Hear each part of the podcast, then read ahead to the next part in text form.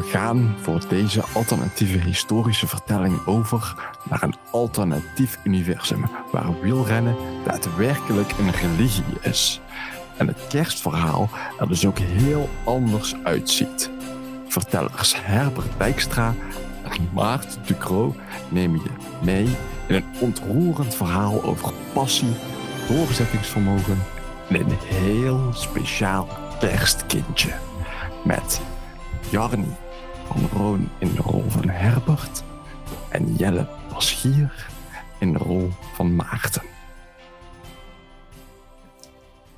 Er was eens een vrouw met de naam Maria. Oh, sorry, ik, ik verslik me in mijn koffie. Excuses. Nevos. Op een dag verscheen aan haar een schanspringer, die hoog door de lucht vloog. Marianne schrok zich kapot. In het voorbijvliegen zei de schanspringer in gebrekkig Nederlands en met een vet Sloveens accent, namelijk dat hij een boodschap had voor Marianne. Ik ben een boodschapper van die Mats Mits. Hij heeft goed nieuws. Hij maakt vanuit pittoreske stal in Bethlehem nog een uitzending van avondetap. En jij bent uitverkoren door onze wieler God om gast te zijn. En af en toe ja en amen te zeggen tijdens monologen van de markt. Er is ook nog special guest. Een wonderkind. Jongens toch, wat gebeurt hier allemaal? De avondetappe nog één keer met Mart Smeets. Met Maria G. F. H. G. H. S. H. D. F. S. D. S. H. Sorry. Ik lachte. Ik, ik had even een stuk uit de vloer. Een vos, notabene. En een wonderkind. Marianne Vos had eigenlijk weer wat beters te doen dan met Mart Smeets aan tafel zitten. Maar als ze op de fiets naar Bethlehem zou gaan, dan zou het prima een training zijn, zo betoogde haar man. Haar wederhelft was een timmerman, die Sebastiaan heette. Hij ging op de motor mee met Marianne en ze vertrok het duo voor de lange reis naar Bethlehem, waarbij ze langs vele prachtige kastelen zouden komen. Herbert, Herbert, Herbert, Herbert, Herbert.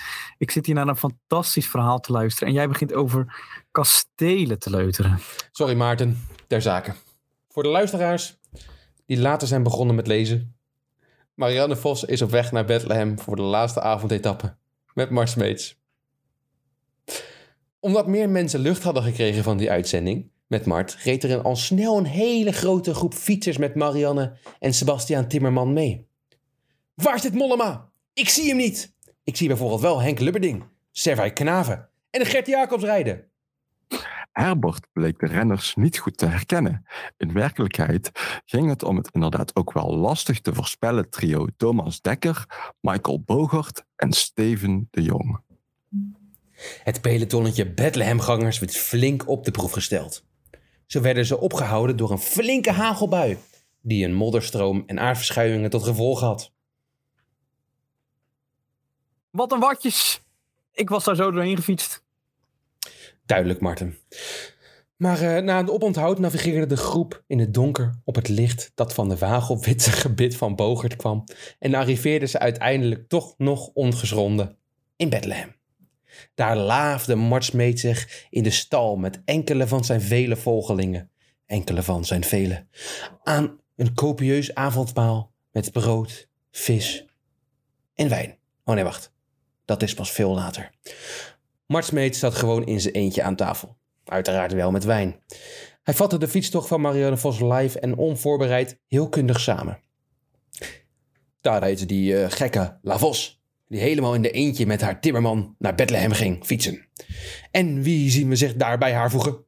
Zo hupproef. Juist, Dekker, Bogert en de Jong. Het had ook een accountantskantoor kunnen zijn. Kanor, excuses, eh, spelfout van André van den Ende. Ik ga het voorlezen zoals André het zelf schrijft. Een accountantskanor kunnen zijn. Maar ze zijn, zei de gek, op weg naar Bethlehem. Kijk die Mart eens met een mijnwerkersgezicht samenvatten. Toen Marianne Vos eenmaal rustig bij Mart in de stal zat, keek ze eens goed waar ze was beland. Het was een rariteitenkabinet. Ze zag Daniel Os in het stro staan. In de hoek van de stal stond Ricardo Rico, die zich driemaal aan dezelfde steen stoten. En er stond ook nog eens een hele grote badeend. Grote gele badeend met de letters X2O erop. Maar het meest in het oog sprong een kribbe, waar een gouden goed vanaf kwam. Er kwam gekrijs uit de kribbe. Maar Smeets die had daar geen aandacht voor. Want die had enkel aandacht voor zichzelf. Maar Marianne ging toch maar eens kijken. En warempel! In die kribbe lag een piepklein kindje poedelnaakt en rillend van de kou. Dit kinderke heeft het koud. Wie heeft een doek? riep Marianne vragend. Steven de Jong gaf een van de handdoekjes die hij bij zich had aan Marianne, hmm. die het kind erin wikkelde. Hiermee ging het krijzen niet over. Sterker nog, het verhevigde en Vos constateerde dat het handdoekje een wat harde structuur had en er ook een merkwaardige geur aan zat. Uit haar bikepack haalde ze dan tenslotte maar een wereldkampioenentrui en drapeerde dat om het lijf van het kinderke. Hierin voelde hij zich duidelijk thuis. Hij stopte met krijzen, stond op en krofste direct op zijn full carbon loopfietsje door de stal. Ricardo Rico stond wat hinderlijk te balken, maar daar sprong het kinderke in de wereldkampioenentrui handig overheen. Het was een wonder. Kijk hem bezig. Dit is een nieuwe loopfiets hoor. Ondertussen kregen meer mensen lucht van dit wonder. De drie wielerwijze Patrick de Verhevre, Thijs Zonneveld en Karsten Kroon trokken gezamenlijk naar de stal. maar dat de wind schuin van achter kwam en Zonneveld veel te enthousiast werd over mogelijke waaiers, raakten ze de weg kwijt. Mislukte wijze, loser, halve waaier rijden. Oh, sorry, dat moet natuurlijk in het Vlaams. Mislukte wijze, loser, halve waaierrijdeur. Voeterde Lefebvre over uh, richting Zonneveld. Ook kwam dat meer in het Frans eruit. Kroon echter trok zich niks aan van de scheldende Lefebvre en keek dromerig omhoog. Hij zag een vale gier vliegen, terwijl hij zich ondertussen te goed deed aan een tompoes. Toen hij die vale gier zag, viel hem ook op dat er nog steeds een schanspringer door de lucht vloog. Als we die volgen, komen we vast in Bethlehem, zei hij tegen Lefebvre en Zonneveld. Al dus geschieden. Kijk, die Zonneveld en Lefebvre daarachter tevoren op een fiets zitten te schelden. In de stal in Bethlehem aanschouwden de drie het wonder op wielen. Hij had Kroon meer over Os, Ricardo Rico en de Bateend. Zelfs Lefebvre en Zonneveld stopten even met bekvechten en zeiden in koor... Het wonderkind Mathieu van der Poel is op aard. Want hij was het die daar in de kribbe lag en nu op zijn loopfietsje door de stal kroste. De rest van zijn leven zou hij nog vele wielerwonden verrichten, zoals kinderen slaan in hotels. Maar nu is het eerst tijd voor Dalida. Buenos Navidad, mi Maarten.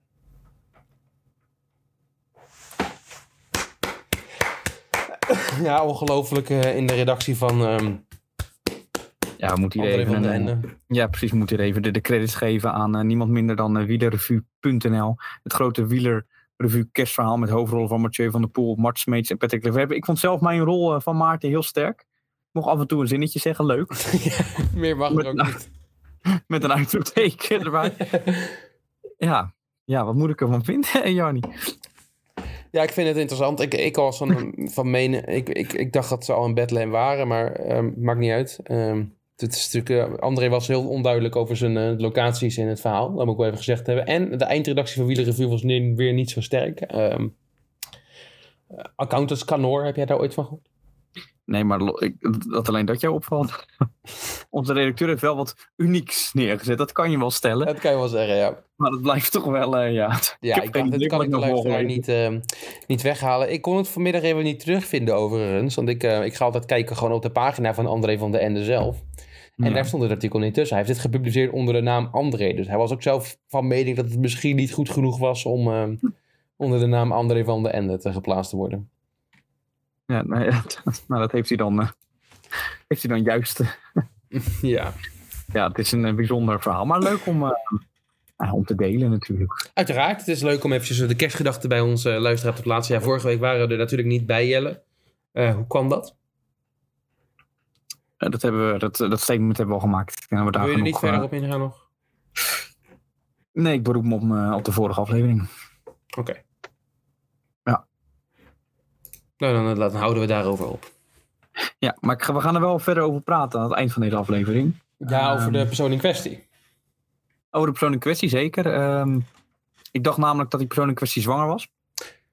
Nou ja, dat Maar lijkt me niet, want die kon, kon goed schaatsen afgelopen week. Nee, inderdaad. Het gaat ook over een hele andere vrouw die misschien eh, niet Oh. zwanger wil worden in ieder geval. Jan. Ja, ik maak hier een gigantisch mooi bruggetje Jee, ongelooflijk. naar Kelly Piquet. Kelly Paquet. Kelly Piquet heeft aangegeven dat ze samen met Max Verstappen een kind wil.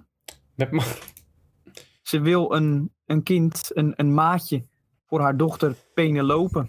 Oftewel Penelope. benen lopen. Dus ja. 34, Max 25. Max heeft aangegeven, komt eh, vers, op, vers van de pers op de Oh, dat, hij, ook- dat hij er ook niet tegen is. Ik dacht dat Max altijd zelf zei nog graag voor lange tijd in free practice wou blijven. Ja, maar ja, je, je, weet het, je weet het met Max. Het is een eh, verraderlijk ventje. En dat blijkt maar weer. Keep pushing, zei hij toen ook, hè, weet je nog? Ja, keep pushing. Tegen Vettel. Ja. Tegen Hamilton. Dat Nee, volgens mij. Ja. Ja, ja. natuurlijk Max eh, hij gaat misschien dan nu de kwalificatie in. Eh, maar we hebben afgelopen seizoen gezien dat hij daar niet al te best in was. Dus. Ik vermoed, Jarni, Mhm. dat als André van der Ende zich een beetje verdiept hè, in Formule 1, Dat doet hij niet. hier ook wel een heel mooi kerstverhaal over kan schrijven. Nog beter dan wat hij nu gedaan heeft. Want, ik bedoel, laten we zeggen, dit was sterk. Heel het sterk. verhaal van het leven. Zaten denk ik een paar feitelijke onwaarheden in. Ehm, Nou, dat weet ik niet. Ik bedoel, het gebit van Michael Bogert is inderdaad wel wit. Dat, daar heeft hij wel een punt. En de doekjes waren knapperig. Ja, de, ja, de doekjes waren knapperig. Ik weet niet of dat het geval is. Maar ehm, nou, in ieder geval Max en eh, Kelly. Ja, ik verwacht 2023 een, ehm, een kaartje in de brief, eh, de briefbus te krijgen. Ben benieuwd. Eh, Dan hebben we dan- natuurlijk onze reporter eh, Bram Hofman, die op zich eh, ervaring heeft eh, om het bij het staan van, eh, van kinderkamers in. eh, Misschien moeten we hem daar een keer voor uitnodigen voor het Kelly Piquet verhaal. Dat vind ik, dat schrijf ik even op. ja, leuk, interessant. Ja. Weet je wat je dan niet meer mag doen als je zwanger bent? Alcohol drinken. Oh, alcohol Met drinken. andere mannen naar bed. Nou, dat, Drugs. nou, ik denk dat je als, als je zwanger bent, mag je dan wel met andere mannen naar bed.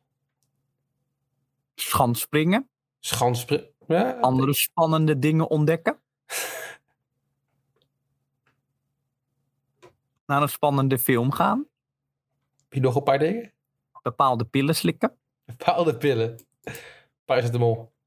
Nou, je hebt van die pillen. Dat je, die kan je dan, er staat dan bij dat je moet oppassen als je zwanger bent. Ja, dat klopt. Ja. Maar ik heb het meer over Bier. bier. Ja. Ehm, Kelly Piquet speelt misschien... Feitelijk onwaar wat je nu gaat vertellen, hè? Want je hebt ook 0,0 bier.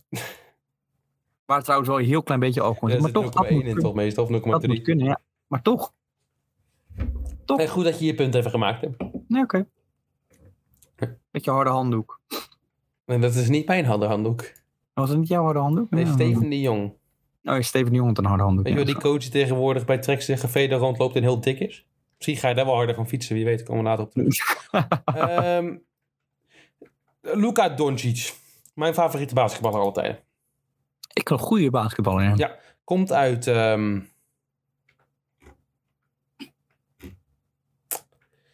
Ja, waar komt hij vandaan? Slovenië? Eh, Europa. Europa. En hij speelt tegenwoordig bij de Dallas Cowboys. Nee, Uit Amerika. ja, wel de Dallas Cowboys. En hij had Ja. 60 punten gehaald. Ja, dat is knap hoor. 21 rebounds en 10 assists. Tegen de Ja, New York Knicks. En ik vind het een hele rare naam, want dat mag je tegenwoordig niet meer zeggen. De Knicks. Oh, de Knicks. Oké. Zo moet je het uit, ja. Oh, ja. ik snap hem even niet. Eh Luka Doncic, ja. En hij, weet je wat hij zei al? Aan het einde van de wedstrijd wilde hij een biertje drinken. Nou, je kan ook wel zien dat hij dat meestal misschien voor de wedstrijd ook wel doet. Want hij is ook niet de dunste van de wereld. Hij kan wel goed basketballen. Het lijkt een soort rode draad te worden in onze podcast. Mensen die dik zijn. En daardoor goed kunnen sporten. Ja, een beetje rode draad vind ik dat in onze podcast horen. Ik weet niet, waar wil je naartoe? En ik weet niet of het echt een rode draad is. Maar een slakkenspoor zou ik het wel willen noemen. Een rood slakkenspoor. Over eh, hartjes gesproken. Rode hartjes. Rode Liefde. hartjes, ja. Liefde en rood. Ehm, ja, Danny. Ja, wat gebeurt er met jou als een rood hartje breekt? Wat komt er dan uit? Nou, in mijn geval niet zoveel. Rood bloed. Nee, maar ja. Jou niet? Oh. Nou, ik krijg wel bloed als iemand mij een keiharde klap op mijn kin geeft. En dat is wat Danny Noppert zichzelf heeft aangedaan. Dart in de voet gestoken. Hij, eh, de nummer 9 van de wereld is op dit moment verliest eh, van eh, Ellen Sautar. In de tweede ronde van het WK. Derde ronde trouwens. Mag niet gebeuren, Jelle. 2 2-0 voorsprong, uiteindelijk 4-2 verloren. Ik eh, quote, ik heb geen verklaring voor mijn terugval, maar moet ermee dealen. Ik ga terug naar mijn gezin, dat is het belangrijkste in het leven. Moet weer bij worden gezegd, Jarni. Zoek jij even Danny Noppert op. Danny Noppert. Ja. Wat valt jou op als je naar Danny Noppert kijkt in vergelijking met andere darters? Eh, laat ik eens even goed kijken, ja, als je het niet erg vindt. Even. hmm. Analyseer het even. Ja, oké. Hij heeft wel het ledige kapsel. Het overgetrimde baardje. Lange neus. Geen bierbuik. Nou, precies. En ik denk dat daar, als hij wat dikker was geweest, Nou, wat dikker. Daar mag er wel 30, 40 kilo bij. daar mag wat bij aan. Dan had het beter geweest. Ja, dat zien we dat toch. Misschien moet zijn broer dat ook eens gaan doen. Misschien wel. Lijkt me een goed idee. Dylan.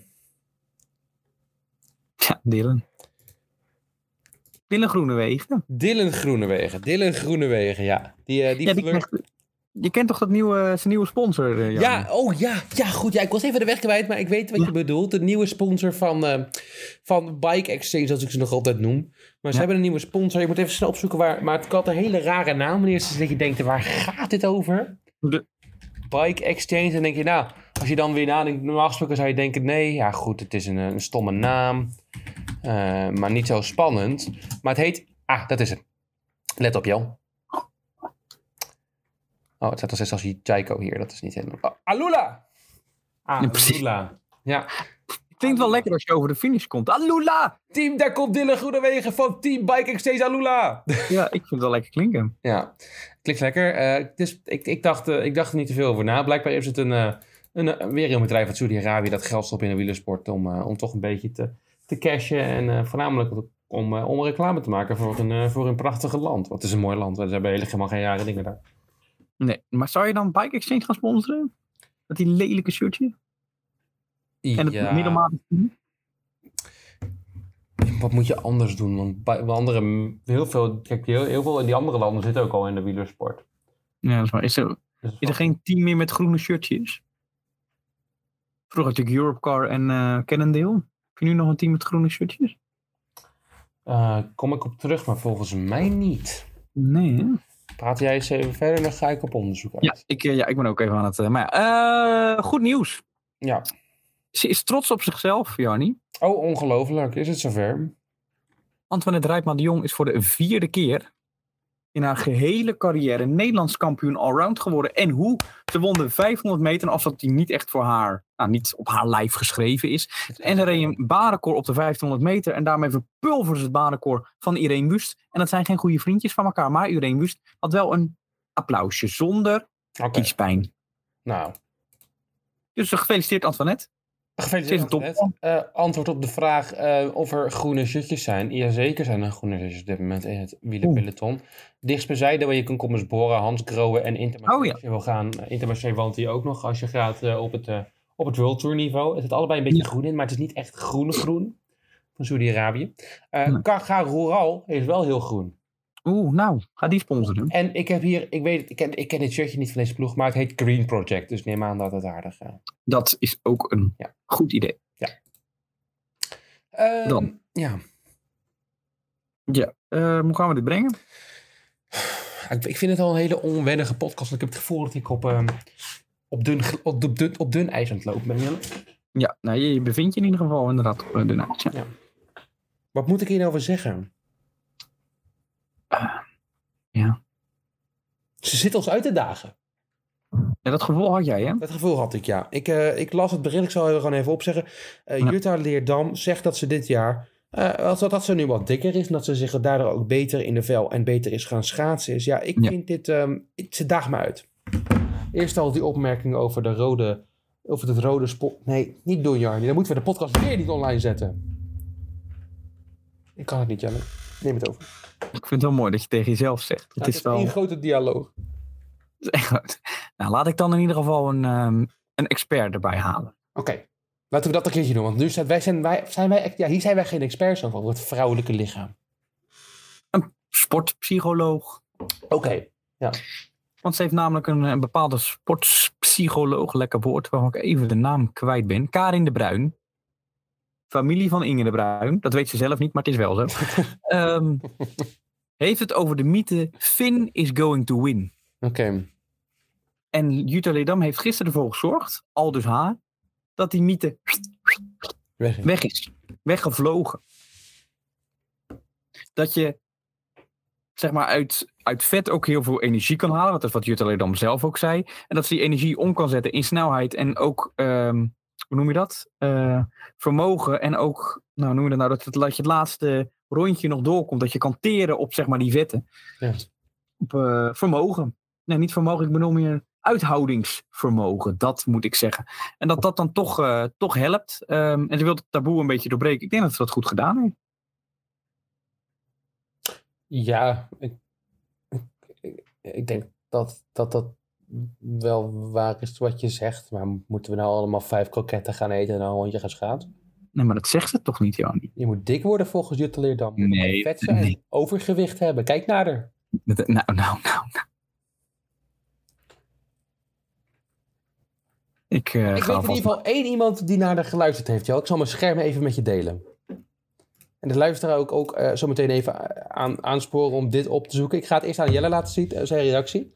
Over dus een van zijn favoriete sporters die duidelijk naar Jutta heeft geluisterd. En eh, volgend jaar dan ook heel goed gaat presteren. Alexander! Zo. Zo, net zo zeg. Ja, die is flink. eh, Ja, die heeft, ja, die heeft dus het voorbeeld genomen wat jij zei over die kroketten. Ja. Die, heeft hij niet goed, die heeft net als jij niet goed geluisterd naar Utah. Oh, dus Alexander en ik moeten gewoon beter luisteren volgende keer. Dat is nou hier het hele. Ik bedoel, jullie zijn triggerend. Ja, maar zijn. Dat is, je moet niet beïnvloeden. nee, het spijt me. Eh, voor de luisteraars, zoek even Alexander Christophe 2022. Ik ga nog één keer onze Inge de Bruin eh, even citeren.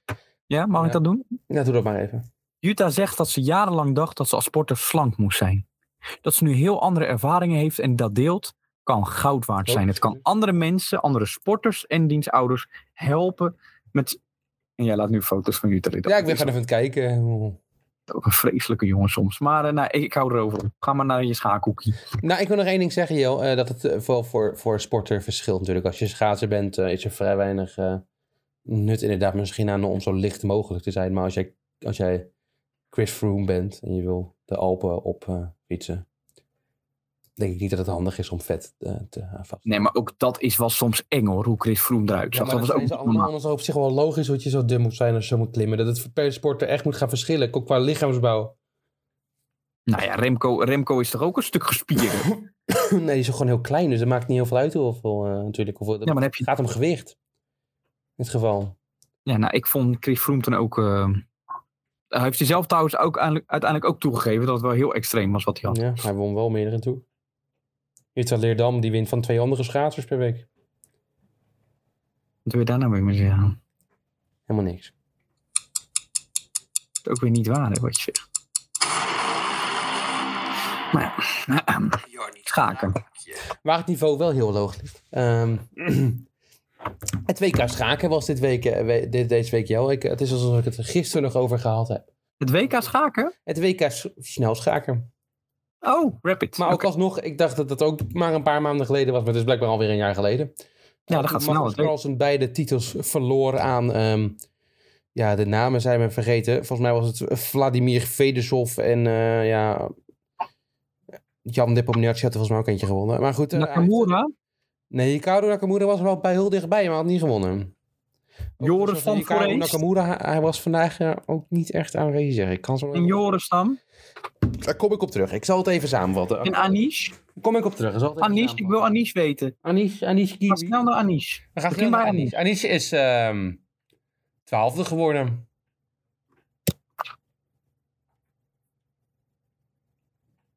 Jordan van Forest. eh, hoeveelste denk je dat Jordan is gewoon? Hij begon overigens, ik wil het zeggen. Ehm, eh, de, de tweede dag was hij derde. 24ste. 59ste. Ja, serieus? Oké, oké.